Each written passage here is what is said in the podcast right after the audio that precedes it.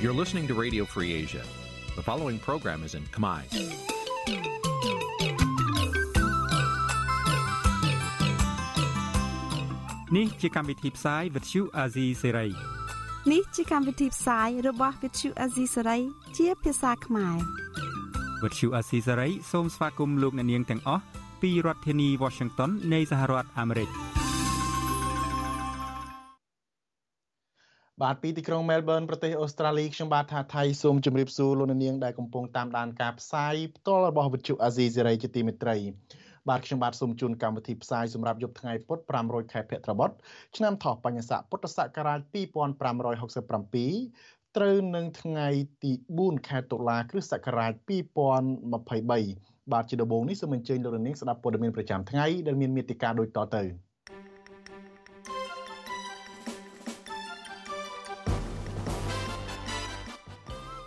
គណៈបកភ្លឹងទៀននិងគណៈបកនយោបាយពីរទៀតកំពុងជជែកពីគម្រោងចង់សម្ព័ន្ធភាព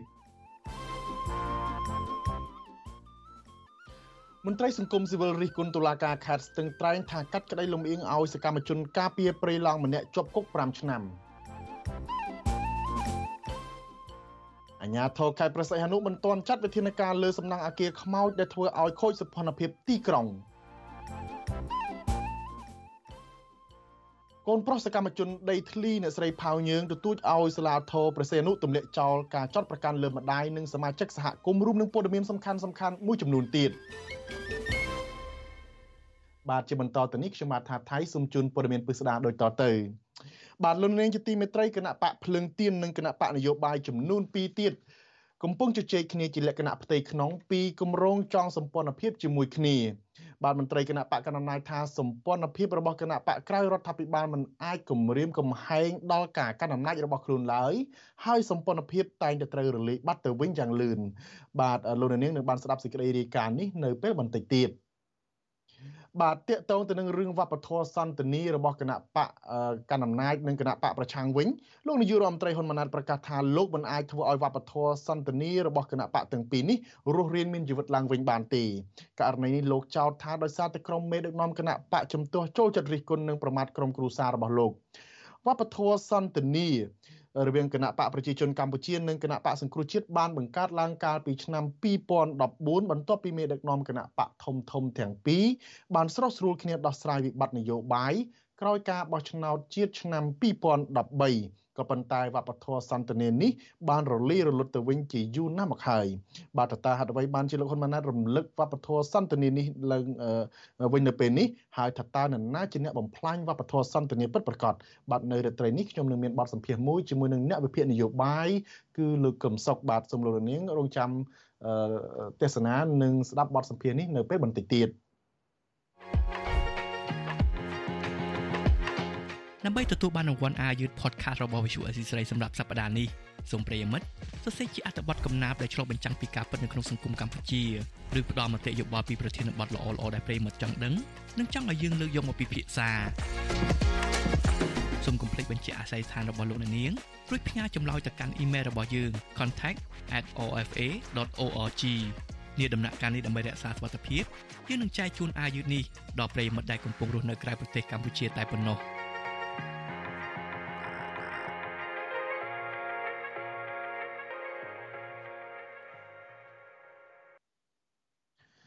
បាទអាញាធរនៅស្រុកបាណន់ខេត្តបាត់ដំបងនៅតែមិនព្រមចុះហត្ថលេខាលើឯកសារបដូរសមាជិកភាពជំទប់ទី2ឲ្យមន្ត្រីគណៈបកភ្លើងទៀនបើទោះបីជាគណៈបកនេះបានស្នើសុំអស់រយៈពេលជាង1ខែហើយក្តីមន្ត្រីគណៈបកភ្លើងទៀនចាត់ទុកថារឿងនេះជារឿងចេតនារារាំងការផ្លាស់ប្ដូរសមាជិកភាពជំទប់ទី2ដើម្បីកេងចំណេញផ្នែកនយោបាយបាទលោកយ៉ងច័ន្ទរារីកាព័ត៌មាននេះ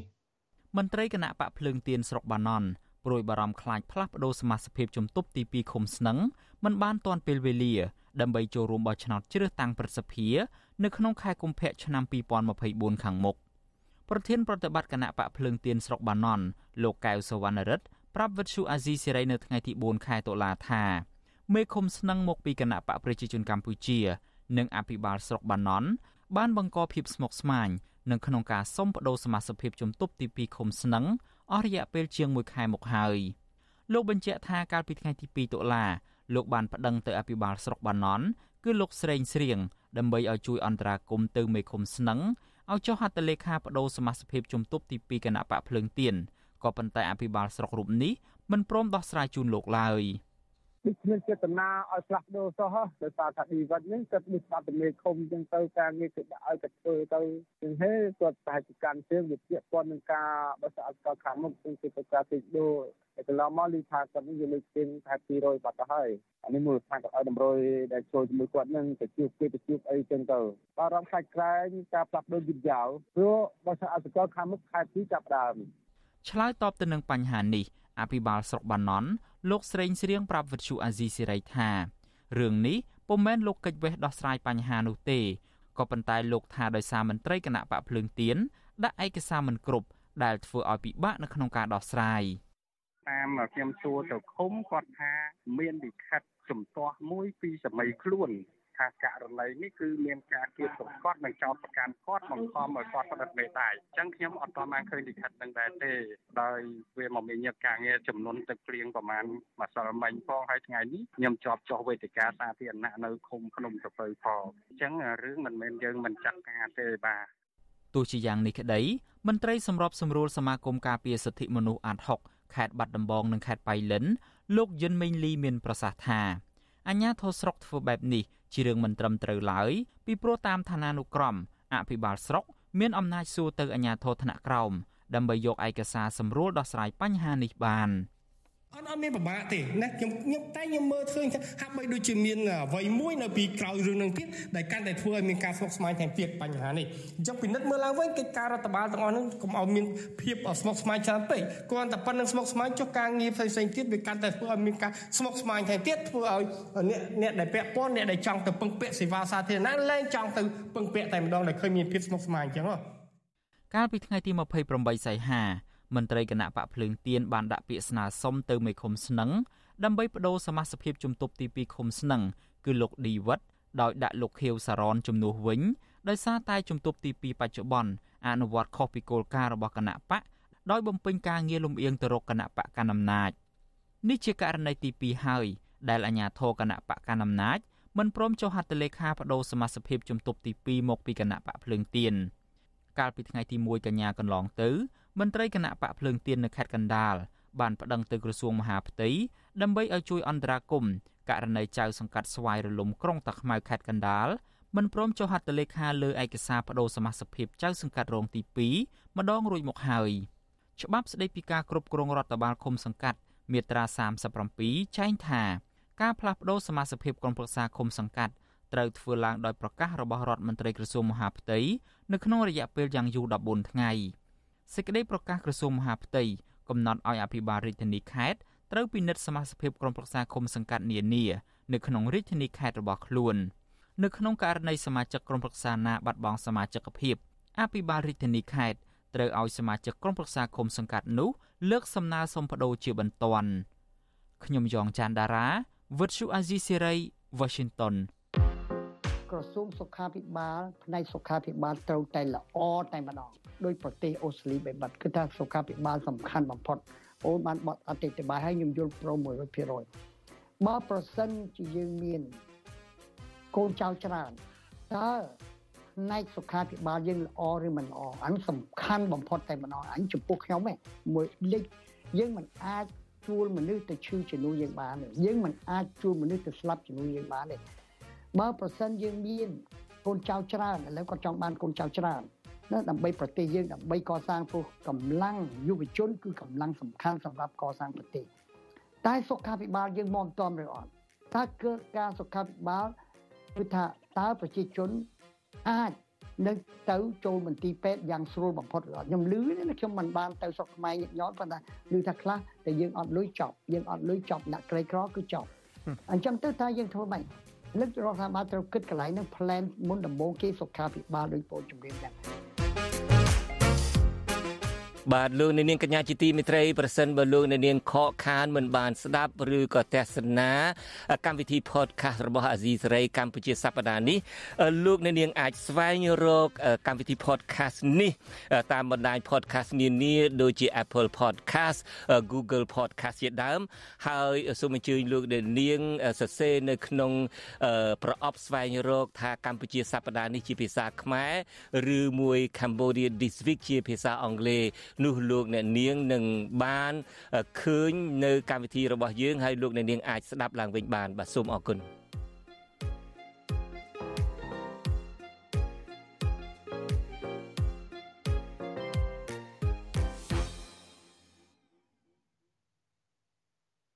បាទលោកនាងជាទីមិត្តរីបាទលោកនាងនឹងបានឃើញផ្ទះកម្មវិធី podcast របស់វិទ្យុអាស៊ីសេរីដែលនឹងផ្សាយរៀងរាល់ព្រឹកថ្ងៃសៅរ៍ម៉ោងនៅកម្ពុជាហើយយើងក៏នឹងចាក់ផ្សាយកម្មវិធី podcast នេះរៀងរាល់យប់ថ្ងៃច័ន្ទម៉ោងនៅកម្ពុជាដែរនៅតាមបណ្ដាញផ្សព្វផ្សាយរបស់វិទ្យុអាស៊ីសេរីមានដូចជា Facebook YouTube និង Telegram ជាដើមបាទសូមអរគុណ បាទយើងងាកមកចាប់អារម្មណ៍ពាក់ព័ន្ធទៅនឹងការផ្ដន់ទាទោសទៅលើសកម្មជនការពារព្រៃឈើវិញម្ដងបាទមន្ត្រីសង្គមស៊ីវិលរិះគន់ថាតំណាងអัยការនិងតុលាការខេត្តស្ទឹងត្រែងមិនបានចុះស៊ើបអង្កេតបទល្មើសព្រៃឈើក្នុងតំបន់ព្រៃឡង់ដល់ទីតាំងជាក់ស្ដែងដើម្បីបោះស្រាយសំណុំរឿងបទល្មើសអ ுக ្រិតកម្មព្រៃឈើឲ្យបានត្រឹមត្រូវតាមច្បាប់នោះឡើយការរិះគន់នេះគឺបន្ទាប់ពីចៅក្រមសាលាដំបងខេត្តស្ទឹងត្រែងបានសម្រេចផ្តន្ទាទោសសកម្មជនការពារព្រៃឡង់ម្នាក់ គឺលោកអុកម៉ៅឲ្យជាប់ពន្ធនាគារ5ឆ្នាំស្របពេលដែលក្រុមជនល្មើសដែលកាប់រៀនព្រៃឡង់ខុសច្បាប់អស់ជាច្រើនហិកតាខុបខិតជាមួយនឹងមន្ត្រីបរិស្ថាននោះបែរជារួចខ្លួនទៅវិញបាទលោកជីវិតារាយការណ៍ព័ត៌មាននេះមន្ត្រីសង្គមស៊ីវិលសង្កេតឃើញថាសមត្ថភាពស្រាយសំណុំរឿងបទល្មើសព្រៃឈើរបស់ស្ថាប័នអាយកានិងតុលាការខេត្តស្ទឹងត្រែងនៅតែខ្វះចន្លោះច្រើនលំអៀងទៅខាងបុគ្គលមានអំណាច ធ្វើឲ្យក្រុមអ ுக ្រិតជននិងមន្ត្រីខលខូចមិនញញើតច្បាប់ហើយនៅតែប្រព្រឹត្តបទល្មើសព្រៃឈើជាប្រព័ន្ធដដែលពួកគេសង្កេតឃើញថា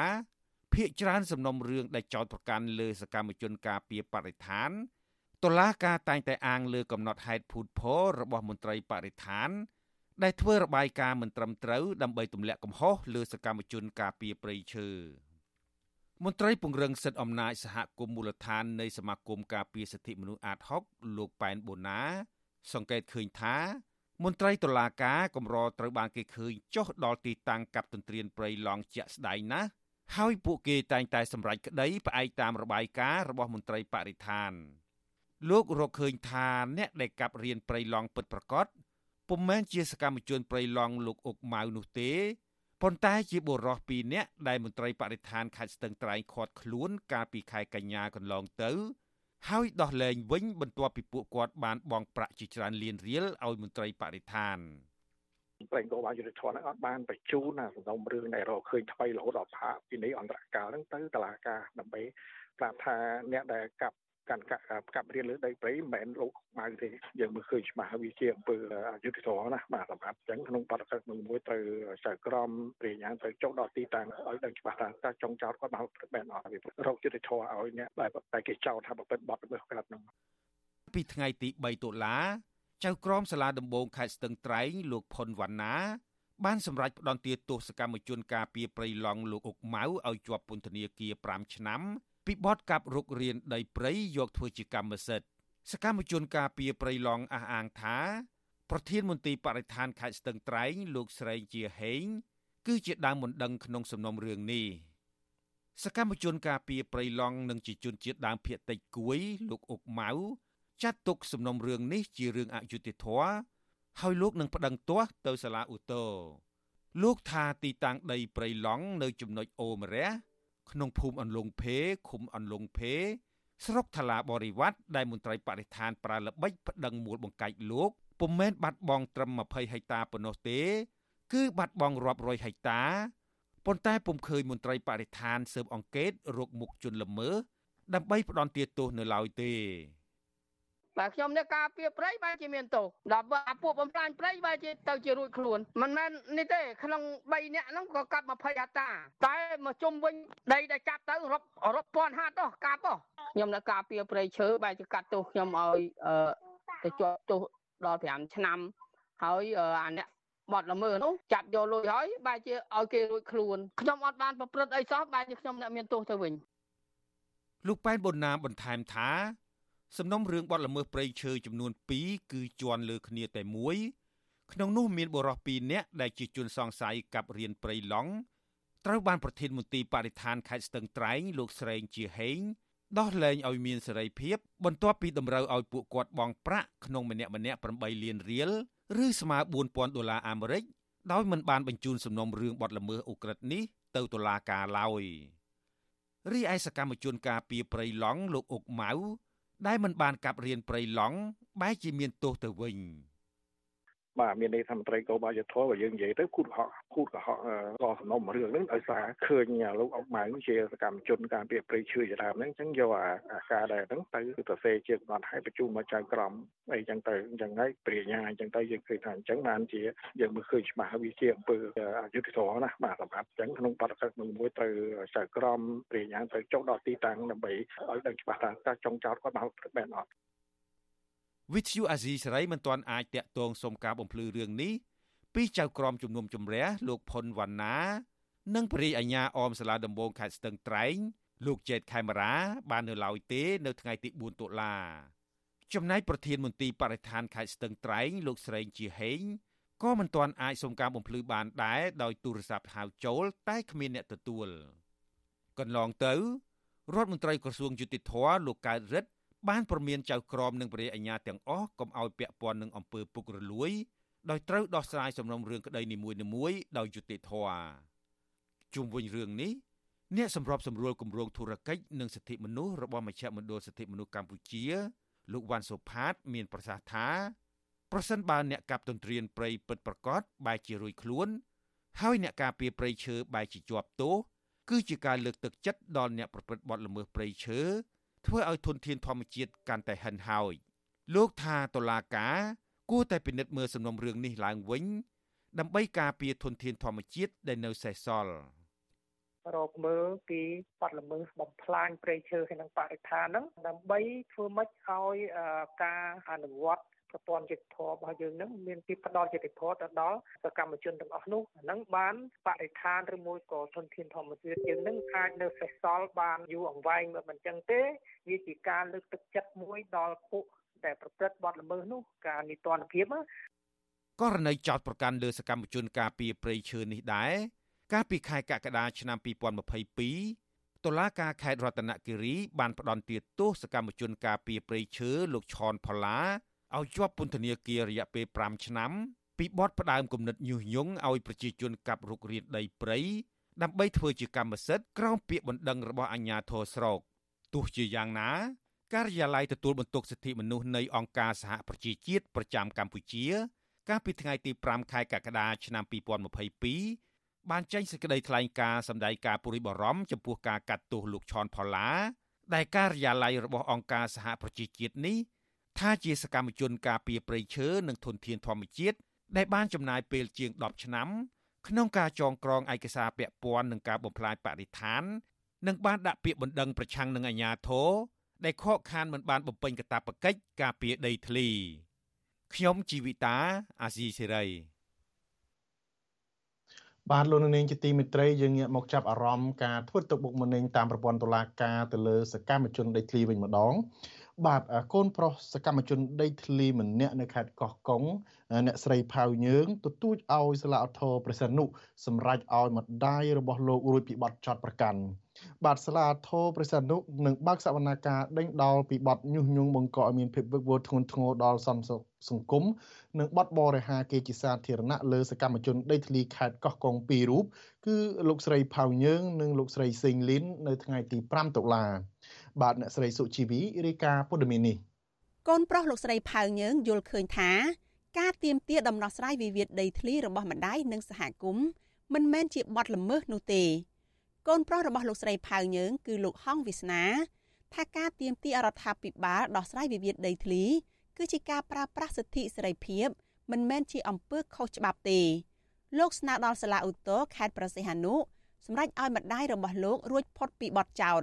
ក៏ថាសង្ឃឹមថាសាលាការខេត្តពិសេសនោះនឹងនឹងផ្ដល់យុត្តិធម៌ឲ្យពួកគាត់ទាំងពីររូបជំនុំថាជាម៉ាក់ខ្ញុំក៏ដូចជាអ៊ំសេងលីនដោយដោះលែងឲ្យគាត់មានសេរីភាពព្រមទាំងទម្លាក់រាល់បទចោទប្រកាន់គាត់ដោយយុត្តិធម៌ទាំងអស់ហ្នឹងការលើកឡើងនេះធ្វើឡើងបន្ទាប់ពីបរិយាអាញានៃសាលាឧទ្ធរខេត្តប្រសេះអនុលោកសុកហេង កាលពីថ្ងៃទី3ខែតុលា បានកោះហៅមេធាវីនិងសកម្មជនដីធ្លី ដែលកំពុងជាប់ឃុំនៅពន្ធនាគារខេត្តកោះកុងគឺលោកស្រីផៅញើង និងលោកស្រីសេងលីនដើម្បីពិភាក្សាដេញដោលពីបទញុះញង់បង្កឲ្យមានភាពវឹកវរធ្ងន់ធ្ងរដល់សន្តិសុខសង្គមនិងបទបរិហាកេរជាសាធារណៈដែលបានប្រព្រឹត្តទៅនៅខាងមុខក្រសួងដែនដីនគររូបនីយកម្មនិងសំណង់កាលពីចុងឆ្នាំ2019នៅថ្ងៃទី5ខែតុលា តកតងនឹងបញ្ហាវិវាទដីធ្លីនេះកាលពីថ្ងៃទី3ខែតុលាក្រុមការងារដោះស្រាយវិវាទដីធ្លីរបស់ក្រសួងដែនដីនគររូបនីយកម្មនិងសំណង់និងរដ្ឋបាលខេត្តកោះកុងបានប្រជុំដោះស្រាយវិវាទដីធ្លីរវាងពលរដ្ឋជាមួយនឹងលោកហេងហ៊ុយនៅស្រុកស្រែអំបិលនិងស្រុកបទុមសាគរវិទ្យុអាស៊ីសេរីនៅមិនទាន់អាចតាក់ទងแนะនាំពាក្យសាលាឧទ្ធរខេត្តប្រសិទ្ធនុលោកលឹមស៊ីណាត និងអភិបាលខេត្តកោះកុងអ្នកស្រីមិថុនាភូថង ដើម្បីសុំការអត្ថាធិប្បាយជុំវិញបញ្ហានេះបាននៅឡើយទេ នៅថ្ងៃទី4ខែកញ្ញាតាក់ទិននឹងបញ្ហានេះដែរមន្ត្រីទទួលបន្ទុកសិទ្ធិមនុស្សនិងធុរកិច្ចនៃមជ្ឈមណ្ឌលសិទ្ធិមនុស្សកម្ពុជាលោកវ៉ាន់សុផាតមានប្រសាសន៍ថាកិច្ចប្រជុំដោះស្រាយវិវាទដីធ្លីនៅស្រុកស្រែអំបិលនិងស្រុកបទុមសាគរនេះលោកកោតសរសើរនិងសាទរប្រសិនបរដ្ឋបាលខេត្តកោះកុងអាចដោះស្រាយជូនពលរដ្ឋបានប៉ុន្តែបើមិនអាចដោះស្រាយបានទេនោះលោកយល់ថា កិច្ចប្រជុំនោះគ្រាន់តែជារូបភាពមិនមានផលប្រយោជន៍សម្រាប់ពលរដ្ឋនោះទេលោកស្នើដល់សាលាឧទ្ធរខេត្តប្រសិទ្ធអនុទម្លាក់ចោលបទចោតប្រកាន់លើសកម្មជនដីធ្លីលោកស្រីផៅញើង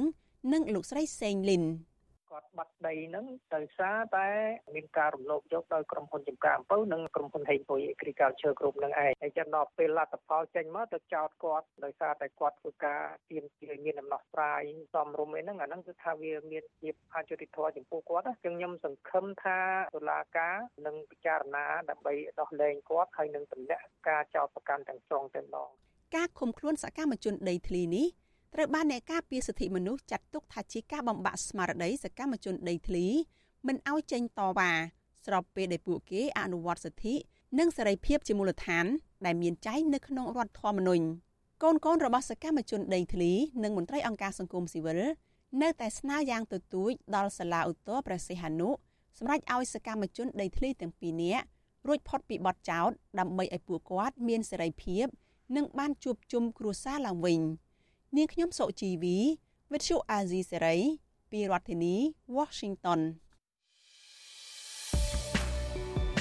កម្មវិធីវិទ្យុអាស៊ីសេរីសម្រាប់ទូរស័ព្ទដៃអាចឲ្យលោកអ្នកនាង អានអត្ថបទទស្សនាវីដេអូនិងស្ដាប់ការផ្សាយផ្ទាល់ដោយឥតគិតថ្លៃនិងដោយគ្មានការរំខានដើម្បីអាននិងទស្សនាមេតិការថ្មីៗពីវិទ្យុអាស៊ីសេរី លោកអ្នកនាងគ្រាន់តែចុចបាល់កម្មវិធីរបស់ Vithu Azizi Saray ដែលបានដំឡើងរួចរាល់លើទូរស័ព្ទដៃរបស់លោកអ្នកនាងប្រសិនបើលោកអ្នកនាងចង់ស្ដាប់ការផ្សាយផ្ទាល់ឬការផ្សាយចាស់ចាស់សូមចុចលើប៊ូតុងរូប Vithu ដែលស្ថិតនៅផ្នែកខាងក្រោមនៃកម្មវិធីជាការស្រេច។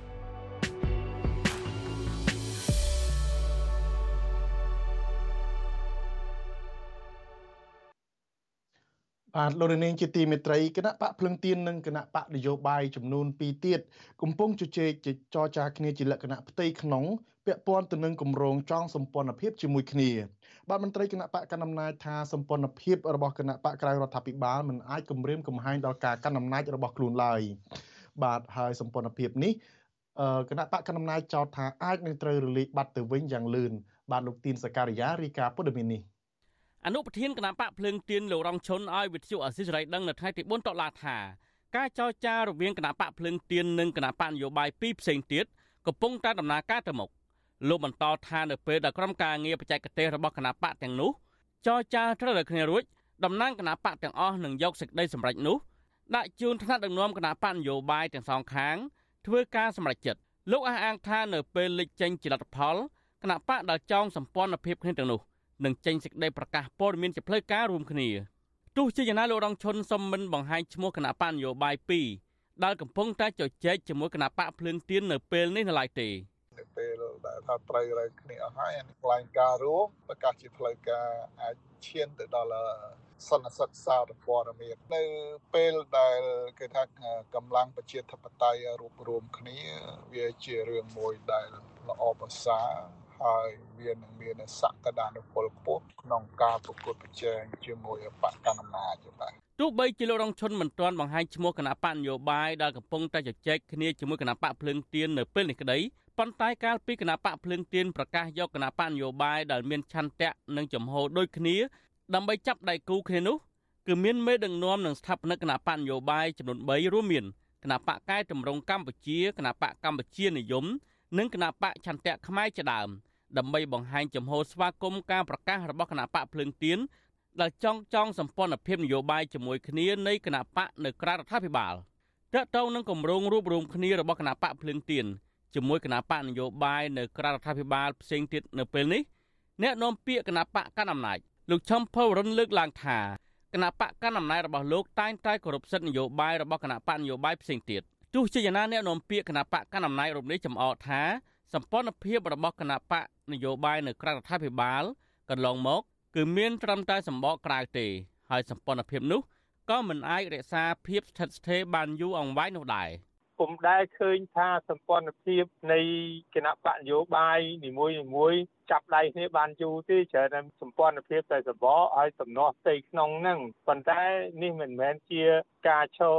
តោចរបស់គណៈបក ប្រជាជនកម្ពុជាទេចង់បញ្ជាក់ថាគណៈបកប្រជាជនកម្ពុជាមិនដែលឃើញសម្ព័ន្ធភាពរបស់គណៈបកនយោបាយនានាធ្វើបានសម្រេចដោយបំណងរបស់ខ្លួនទោះបីជាអ្នកនាំពាក្យគណៈបកកណ្ដាលអំណាចលើកឡើងដូចនេះក្តី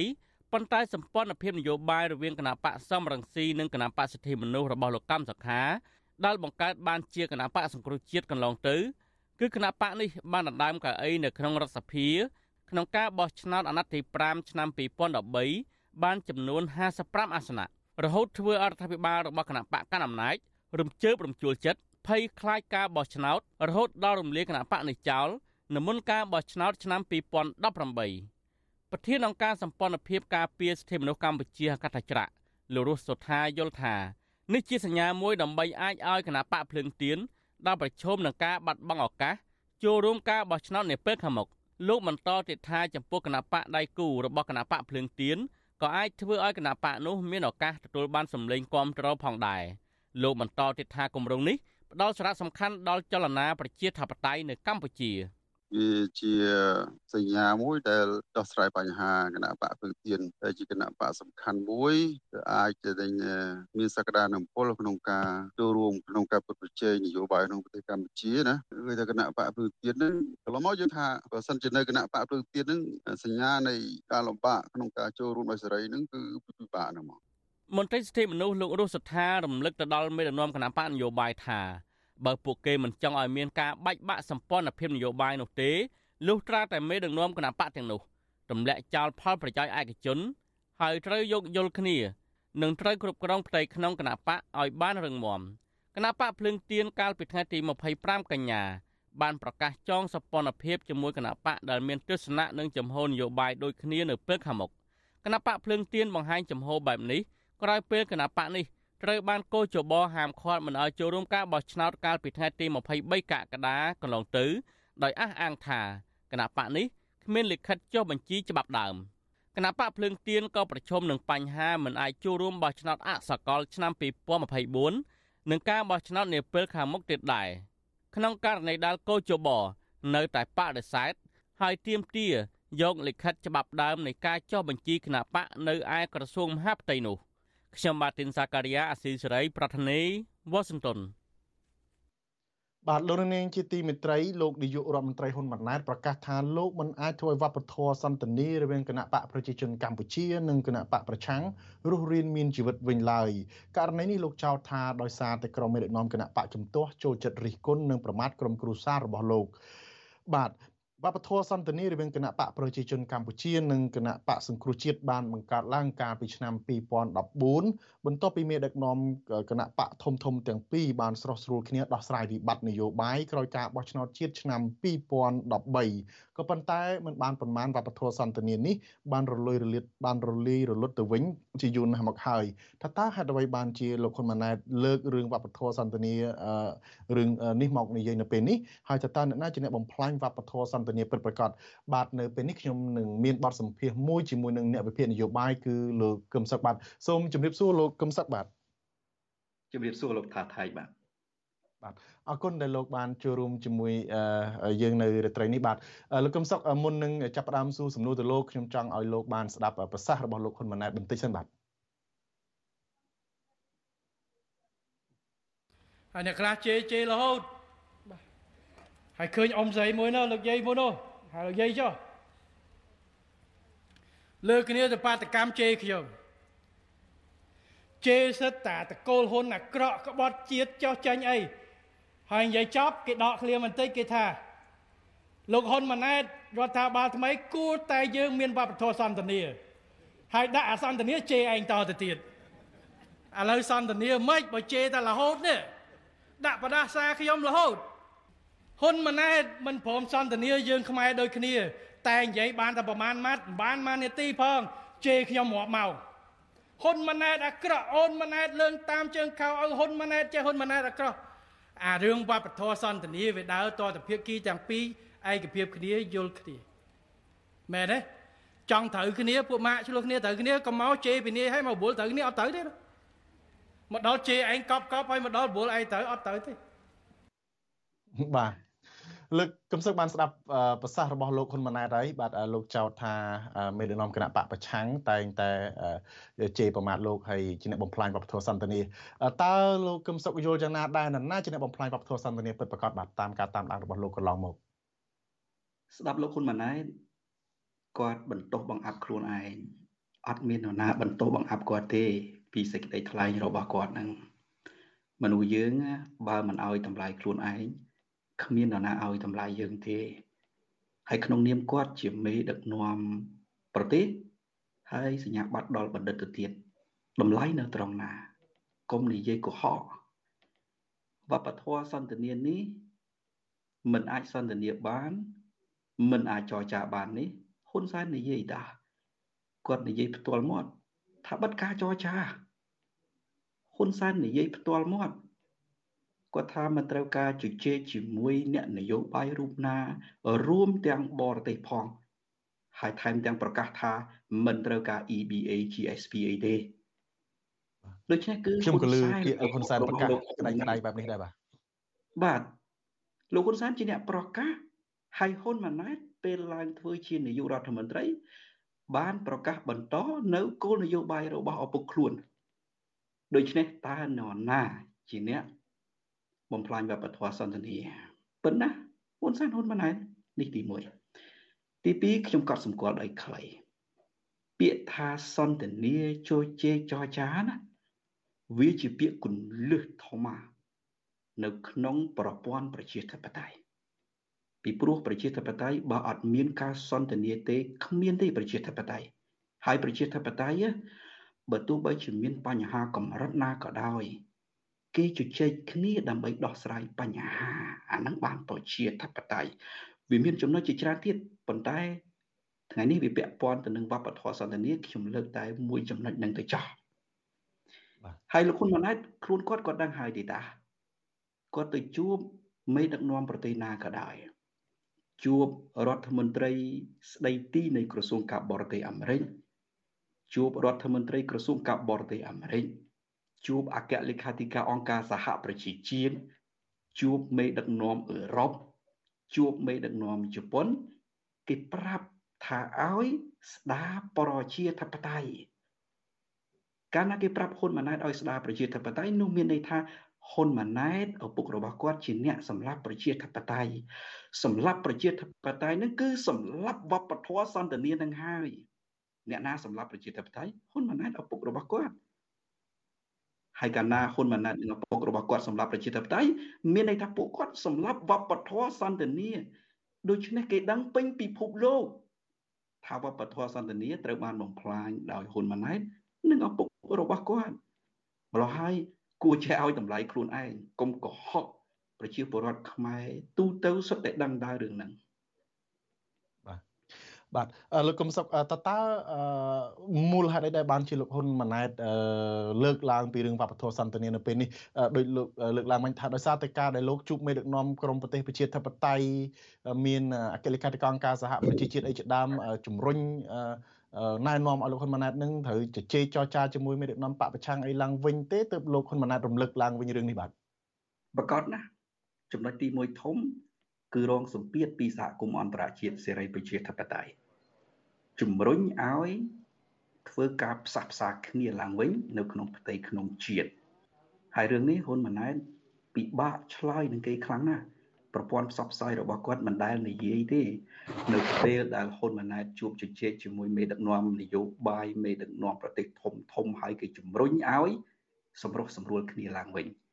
គេជំរុញទៅហ៊ុនម៉ាណែតមានន័យថាគឺហ៊ុនម៉ាណែត រដ្ឋាភិបាលគាត់រដ្ឋាភិបាលហ៊ុនសែននឹងហើយជាអ្នកបំផ្លាញ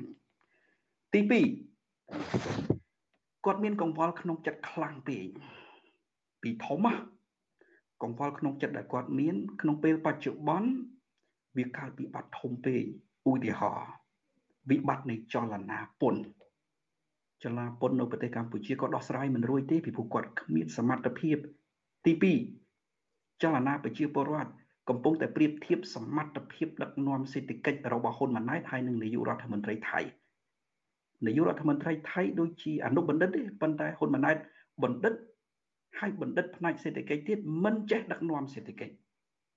ធ្វើឲ្យបញ្ហាមួយចំនួនកើតទៅជាវិបត្តិហើយទៅជារិទ្ធពន្ធទៅវិញទី3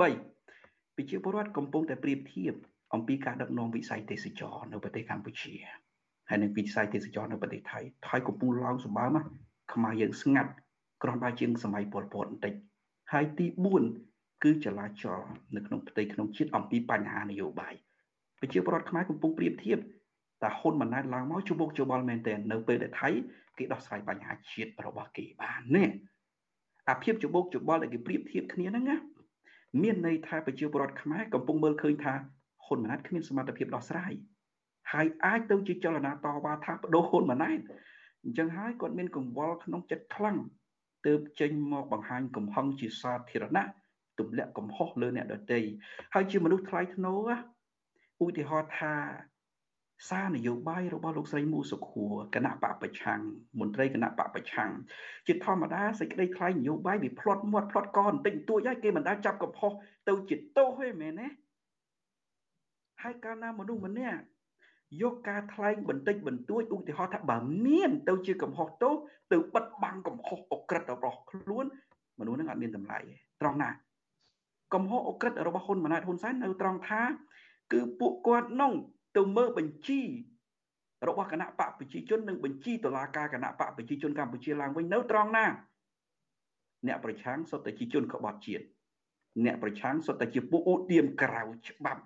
ហើយពាក្យទាំងអស់ហ្នឹងរឿងទាំងអស់ហ្នឹងវាកើតឡើងដោយអចេតនាឬមិនមែនអចេតនាទេ គឺអក្រិតកម្មដោយចេតនាបំពានច្បាប់ដោយចេតនារបស់ហ៊ុនសែននិងហ៊ុនម៉ាណែតដូច្នេះយកកំហុសបន្តិចបន្តួចនៃសេចក្តីថ្លែងជាសាធារណៈរបស់អ្នកនយោបាយទុកបិទបាំងអក្រិតកម្មនយោបាយរបស់ខ្លួនទៅវិញ តាមពិត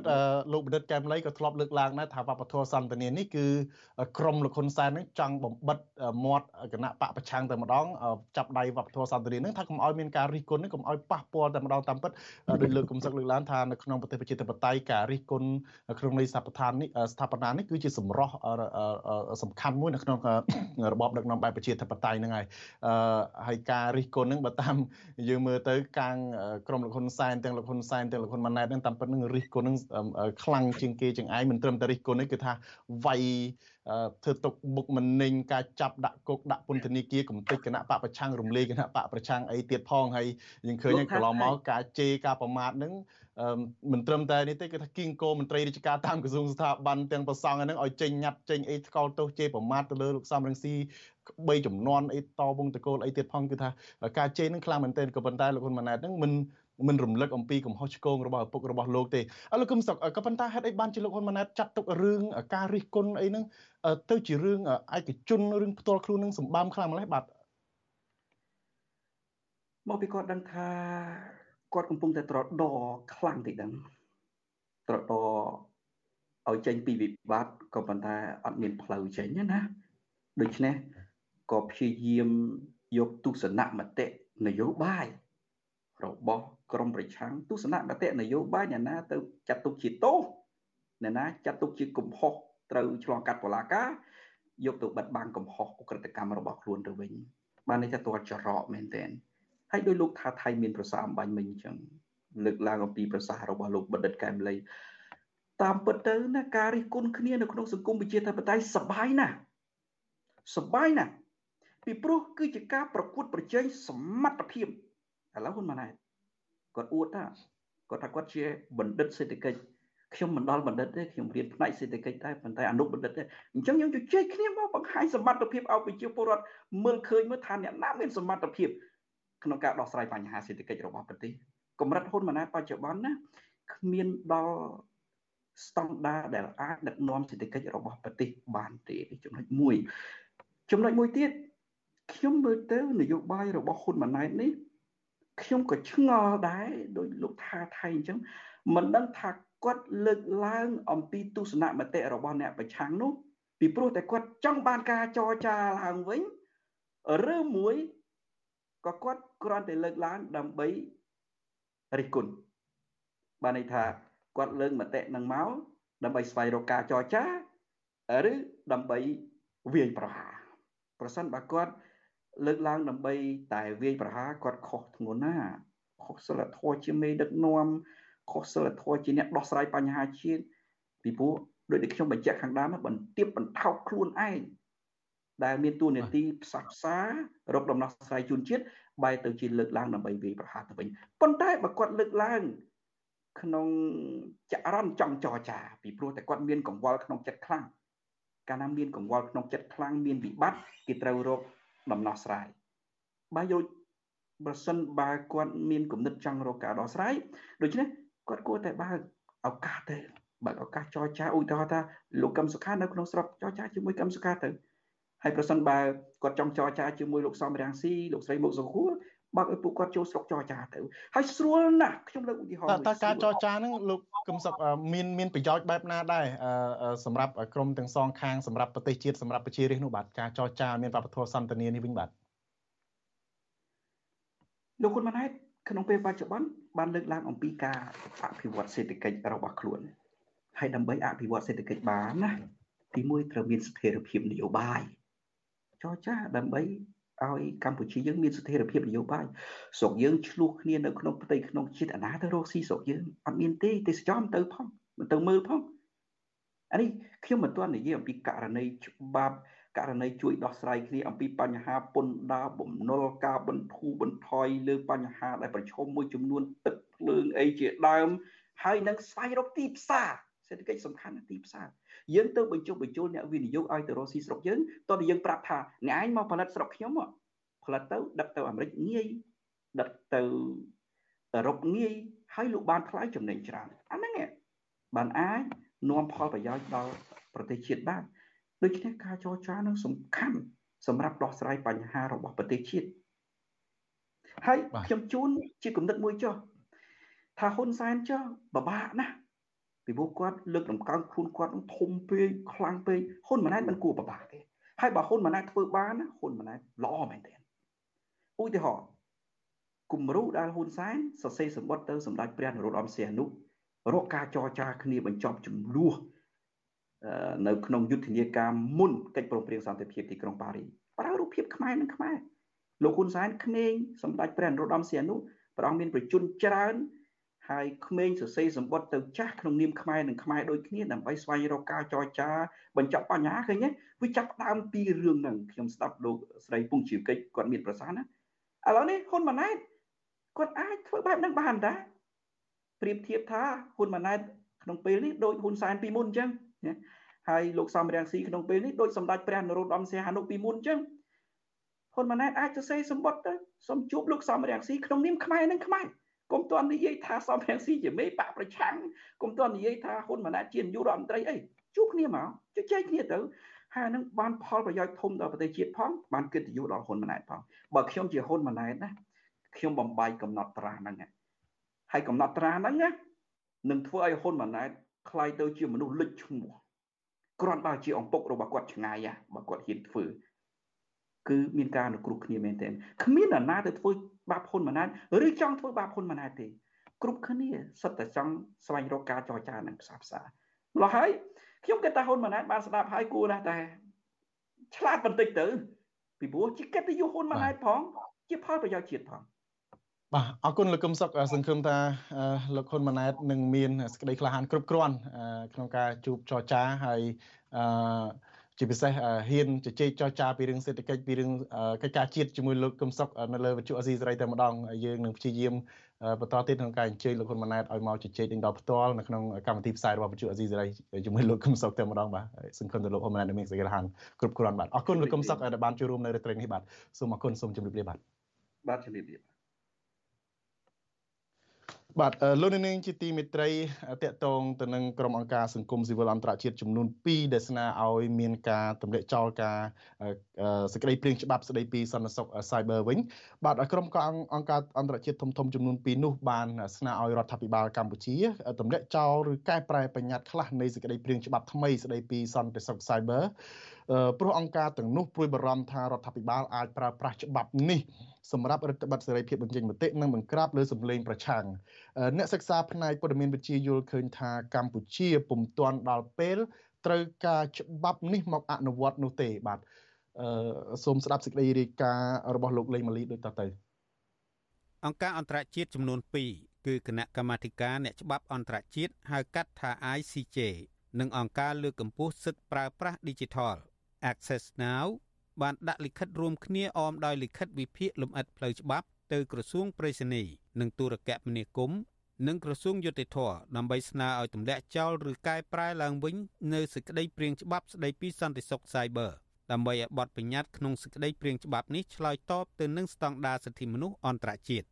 សន្តិសុខ Cyber ត្រូវបានគេប្រើប្រាស់ដើម្បីការពារកុំព្យូទ័រប្រព័ន្ធមេផ្ទុកទិន្នន័យទូរស័ព្ទប្រព័ន្ធអេឡិចត្រូនិកបណ្ដាញ និងទិន្នន័យការពារពីការវាយប្រហារអាក្រក់ពីក្រុមចៅបច្ចេកវិទ្យានៅក្នុងសំណើចេញផ្សាយកាលពីថ្ងៃទី2ខែតុលាអង្គការទាំងពីរនេះព្រួយបារម្ភថាប្រសិនបើសេចក្តីព្រាងច្បាប់ស្តីពីសន្តិសុខ Cyber ត្រូវបានអនុម័តដាក់ឲ្យប្រើប្រាស់នោះនឹងធ្វើឲ្យប៉ះពាល់សិទ្ធិឯកជន និងសេរីភាពនៃការបញ្ចេញមតិហើយវាក៏អាចបង្កឲ្យមានហានិភ័យដល់សន្តិសុខផ្ទាល់ខ្លួន និងធ្វើឲ្យពលរដ្ឋកម្ពុជាទៅនឹងការគំរាមកំហែងតាមប្រព័ន្ធអ៊ីនធឺណិត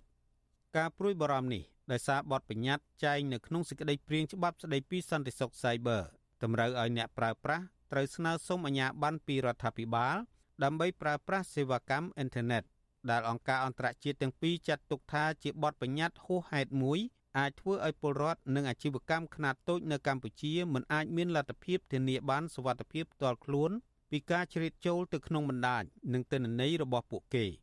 លើពីនេះសេចក្តីព្រាងច្បាប់ដដែលនឹងបង្កើតឲ្យមានបញ្ហាថ្មីមួយទៀតព្រោះរដ្ឋាភិបាលនឹងអាចដាក់បន្ទុកផ្នែករដ្ឋបាលមិនសមហេតុផល ដល់អង្គការនានារួមទាំងសហគ្រាសធុនតូច និងមធ្យមនិងសង្គមស៊ីវិលវិទ្យុអាស៊ីសេរីមិនអាចសុំការឆ្លើយតបរឿងនេះពីអ្នកនាំពាក្យក្រសួងប្រៃសណីលោកសូវិសុទ្ធី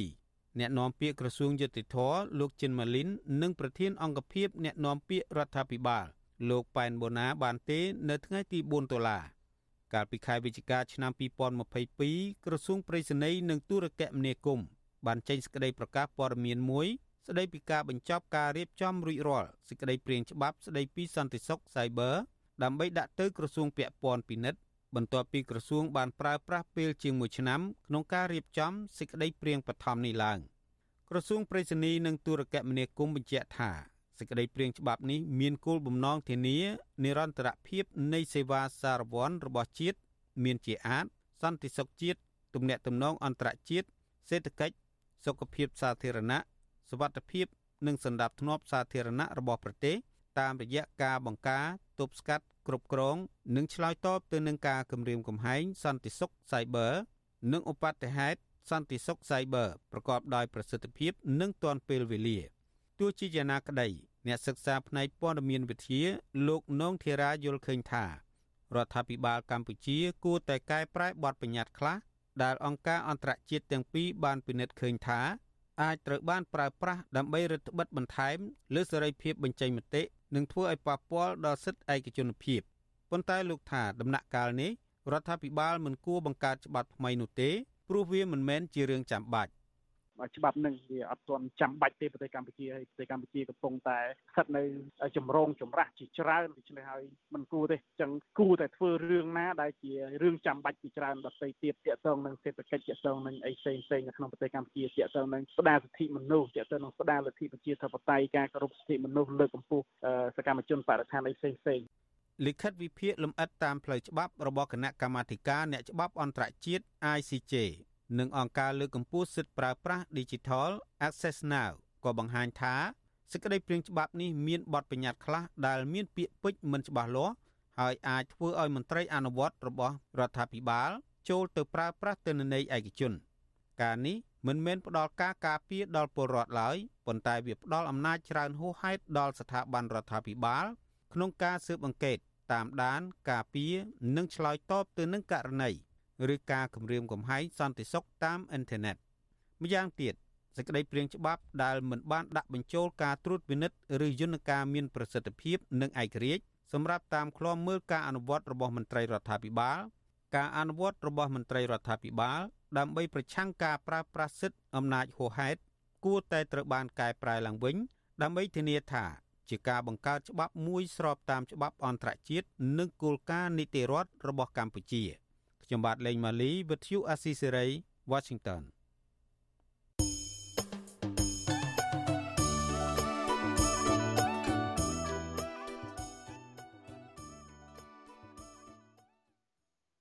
បាទដំណើរគ្នានឹងស្ដាប់ការផ្សាយវិទ្យុអាស៊ីសេរីតាមបណ្ដាញសង្គម Facebook YouTube និង Telegram លោកអ្នកក៏អាចស្ដាប់កម្មវិធីផ្សាយរបស់វិទ្យុអាស៊ីសេរីតាមរយៈរលកធាតុអាកាសខ្លីឬ Shortwave តាមកម្រិតនិងកម្ពស់ដូចតទៅនេះ។ បាទពេលព្រឹកចាប់ពីម៉ោង5កន្លះដល់ម៉ោង6កន្លះតាមរយៈប៉ុស SW 12.14 MHz ស្មើនឹងកម្ពស់ 25m និងប៉ុស SW 13.71 MHz ស្មើនឹងកម្ពស់ 22m ពេលយប់ចាប់ពីម៉ោង7កន្លះដល់ម៉ោង8កន្លះតាមរយៈប៉ុស SW 9.33 MHz ស្មើនឹងកម្ពស់ 32m ប៉ុស SW 11.88 MHz ស្មើនឹងកម្ពស់ 25m និងប៉ុស SW 12.14 MHz ស្មើនឹងកម្ពស់ 25m សូមអរគុណបាទលោកនាងជាទីមេត្រីអាជ្ញាធរខេត្តព្រះសីហនុមិនទាន់គិតគូរត្រូវធ្វើយ៉ាងណាជាមួយម្ចាស់សំណង់អគារខ្មោចឬអគារមិនទាន់សាងសង់រួចរាល់នៅក្នុងខេត្តជាប់មាត់សមុទ្រនេះនៅឡើយអគារខ្មោចឬអគារទុកចោលមិនទាន់សាងសង់រួចទាំងនោះមានរាប់រយអគារកំពុងធ្វើឲ្យខូចសោភ័ណភាពទីក្រុងព្រះសីហនុបាទលោកមានរិទ្ធរាយការណ៍ព័ត៌មាននេះ អគារខ្មោចរាប់រយអគារដែលកំពុងមាននៅក្រុងទេសចរខេត្តព្រះសីហនុមិនត្រឹមតែធ្វើឲ្យប៉ះពាល់ដល់សោភ័ណភាពទីក្រុងតែប៉ុណ្ណោះទេក៏ប៉ុន្តែគឺជារឿងគួរឲ្យព្រួយបារម្ភសម្រាប់ពលរដ្ឋព្រោះពួកគេអាចប្រឈមទៅនឹងគ្រោះថ្នាក់នៅក្នុងពេលធ្វើដំណើរតាមដងផ្លូវដោយសារតែនៅតាមអគារទាំងនោះមានចន្ទះដែកពាសពេញដែលម្ចាស់សំណង់អគារនិងអាជ្ញាធរពុំបានអើពើរុះរើរៀបចំឲ្យមានសន្តិភាពនោះទេសំណង់អគារខ្មោចទាំងនោះ ភាគច្រើនគឺជាកម្មសិទ្ធិរបស់វិនិយោគិនជនជាតិចិន ដែលពួកគេខ្លះបានជួលនឹងទិញដីពីពលរដ្ឋខ្មែរដើម្បីសាងសង់សន្តាគារបនលបែងកាស៊ីណូហាងម៉ាសា បាស៊ីផឹកនេពេលរាត្រីជាដើម។ រដ្ឋបាលខេត្តព្រះសីហនុឲ្យដឹងថាដើមចំដែលធ្វើឲ្យសំណង់អាគាររាប់រយបានផ្អាកការសាងសង់គឺដោយសារតែម្ចាស់សំណង់អាគារជាជនជាតិចិនមួយចំនួន បានវិលត្រឡប់ទៅប្រទេសរបស់ពួកគេវិញ ក្នុងអំឡុងពេលជំងឺរាតត្បាតសកល COVID-19 ហើយវិនិយោគិនខ្លះទៀតបានខ្សែធន ទោះជាយ៉ាងណានារយៈពេលជាង3ឆ្នាំមកនេះអាជ្ញាធរខេត្តព្រះសីហនុមិនបានចាត់វិធានការនិងរៀបចំកែលម្អសំណង់អគារទាំងនោះដើម្បីសម្រួលការរកស៊ីរបស់ប្រជាពលរដ្ឋនិងកែសម្រួលសុខភាពទីក្រុងជាប់មាត់សមុទ្រមួយនេះឲ្យមានរបៀបរៀបរយនៅឡើយទេ ពលរដ្ឋនិងមន្ត្រីសង្គមស៊ីវិលលើកឡើងថាវិនិយោគិនល្អល្អនិងគ្មានទំនុកចិត្តមកបណ្ដាក់ទុនបន្តសាងសង់សំណង់អគារដែលមិនទាន់រួចរាល់ទាំងនោះនោះឡើយដោយសារតែទីក្រុងព្រះសីហនុនារយៈពេលប្រមាណឆ្នាំចុងក្រោយនេះល្បីល្បាញខ្លាំងពាក់ព័ន្ធនឹងឧក្រិដ្ឋកម្មជួញដូរមនុស្សបទល្មើសគ្រឿងញៀននិងបញ្ហាជនបរទេសជាពិសេសជនជាតិចិនមួយចំនួន តែងមានកំភ្លើងបាញ់បោះនិងកាប់ចាក់គ្នាតាមទីសាធារណៈដោយសេរី ពលរដ្ឋរត់កង់3លោកម៉ៅស៊ីធុនថ្លែងថាសំណង់អគារចាស់ចាស់ឬអគារមិនទាន់សាងសង់រួចរាល់ជាចំណែកមួយ ដែលធ្វើឲ្យភ្ញៀវទេសចរធ្លាក់ចុះត្បិតលោកយល់ថាសំណង់អគារទាំងនោះបានធ្វើឲ្យប៉ះពាល់សម្រស់ទីក្រុង លោកព្រួយបារម្ភថាបើអាជ្ញាធរនៅតែមិនអើពើរៀបចំសំណង់អគារឲ្យមានរបៀបរៀបរយទីក្រុងព្រះសីហនុនឹងត្រូវភ្ញៀវទេសចរអន្តរជាតិមើលឃើញថាជាទីក្រុងមានសំណង់អនាធិបតេយ្យដែលធ្វើឲ្យពលរដ្ឋប្រកបរបរពីវិស័យទេសចរប្រឈមនឹងការលំបាកគីអស់ទាំងហ្នឹងវាប៉ះពាល់អីវាមើលទៅដូចវាអត់ល្អដែរប៉ុន្តែធ្វើមិនបើមើលទៅវាដូចអត់ស្អាតទីក្រុងអញ្ចឹងតែមិនដឹងធ្វើមិនហើយដល់ពេលអញ្ចឹងខ្ញុំមិនដឹងដែរ វិសុវអាស៊ីស្រីមិនអាចតាក់ទងแนะនាំពាក្យស្លាខេត្តព្រះសីហនុលោកខៀងភិរមនិងលោកលងឌីម៉ង់ដើម្បីសាកសួរអំពីបញ្ហានេះបាននៅឡើយទេនៅថ្ងៃទី4ខែតុលាចំណែកឯអភិបាលខេត្តព្រះសីហនុលោកគួចចម្រើនក៏វិសុវអាស៊ីស្រីមិនទាន់អាចតាក់ទងបានដែរ របាយការណ៍របស់រដ្ឋបាលខេត្តព្រះសីហនុកាលពីខែកុម្ភៈឲ្យដឹងថាអាគារខ្មោចឬអាគារទុកចោលមានចំនួនជាង1000អាគារនៅក្នុងនោះអាគារផ្អាកការសាងសង់ទាំងស្រុងមានចំនួនជាង300អាគារអាគារកំពុងសាងសង់ឡើងវិញមានជិត100អាគារប្រពន្ធដដែលឲ្យដឹងទៀតថាទីក្រុងព្រះសីហនុបច្ចុប្បន្នមានអគារខ្ពស់ទាបដែលបានសាងសង់1%ហើយមានពលរដ្ឋកំពុងធ្វើការងារមានជាង300អគារ ជុំវិញរឿងនេះអ្នកសម្របសម្រួលសមាគមការពារសិទ្ធិមនុស្សអាត60ប្រចាំខេត្តព្រះសីហនុអ្នកស្រីជីបសុធារីឲ្យដឹងថាពលរដ្ឋខ្មែរភៀសច្រើនកំពុងបម្រើការងារនៅតាមអគារមួយចំនួននៅក្រុងព្រះសីហនុហើយពុំទទួលបានបទពិសោធន៍ឬចំណេះជំនាញអ្វីក្រៅតែពីវិស័យបនលបែងនោះទេ ត្បិតអ្នកស្រីថានៅតាមអគារជាច្រើននៅក្នុងក្រុងភ ieck ច្រើនជនជាតិចិនសាងសង់ឡើងដើម្បីបើកកាស៊ីណូចំណែកឯអគារខ្មោចដែលទុកចោលវិញអ្នកស្រីរិះគន់ថាគឺជាការធ្វើប្រហែសរបស់រដ្ឋាភិបាលអាណត្តិចាស់ដែលមិនបានសិក្សាឬដាក់លក្ខខណ្ឌតឹងរឹងចំពោះវិនិយោគិន ដែលចូលមកវិនិយោគនៅលើវិស័យសំណង់ហើយដែលពួកគេធ្វើឲ្យពលរដ្ឋម្ចាស់ដី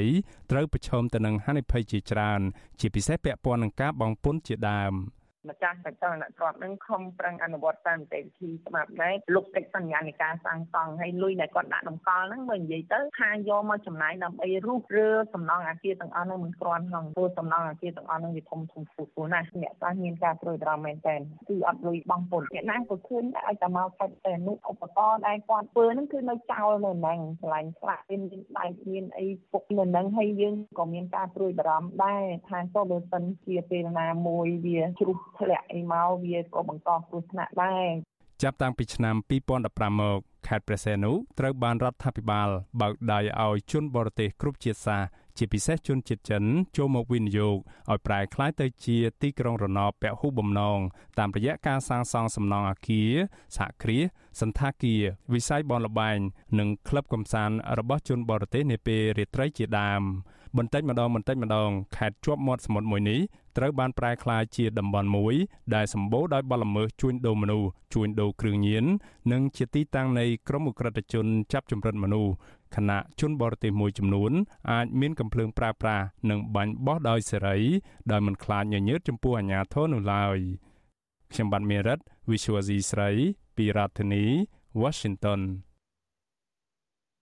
បាទលោកនាងជាទីមេត្រីការផ្សាយរយៈពេល1ម៉ោងរបស់វិទ្យុអាស៊ីសេរីនៅរាត្រីនេះបានមកដល់ទីបញ្ចប់ហើយបាទហើយយើងខ្ញុំសូមអរគុណលោកនាងដែលបានតាមដានកម្មវិធីផ្សាយរបស់យើងតាំងពីដើមដល់ទីបញ្ចប់ខ្ញុំបាទសូមជូនពរដល់លោកនាងនិងក្រុមគ្រួសារឲ្យជួបប្រកបទៅនឹងសេចក្តីសុខចម្រើនរុងរឿងកុំបីឃ្លៀងឃ្លាតឡើយខ្ញុំបាទថាថៃព្រមទាំងក្រុមការងារទាំងអស់នៃវិទ្យុអាស៊ីសេរីសូមអរគុណនិងសូមជម្រាបលា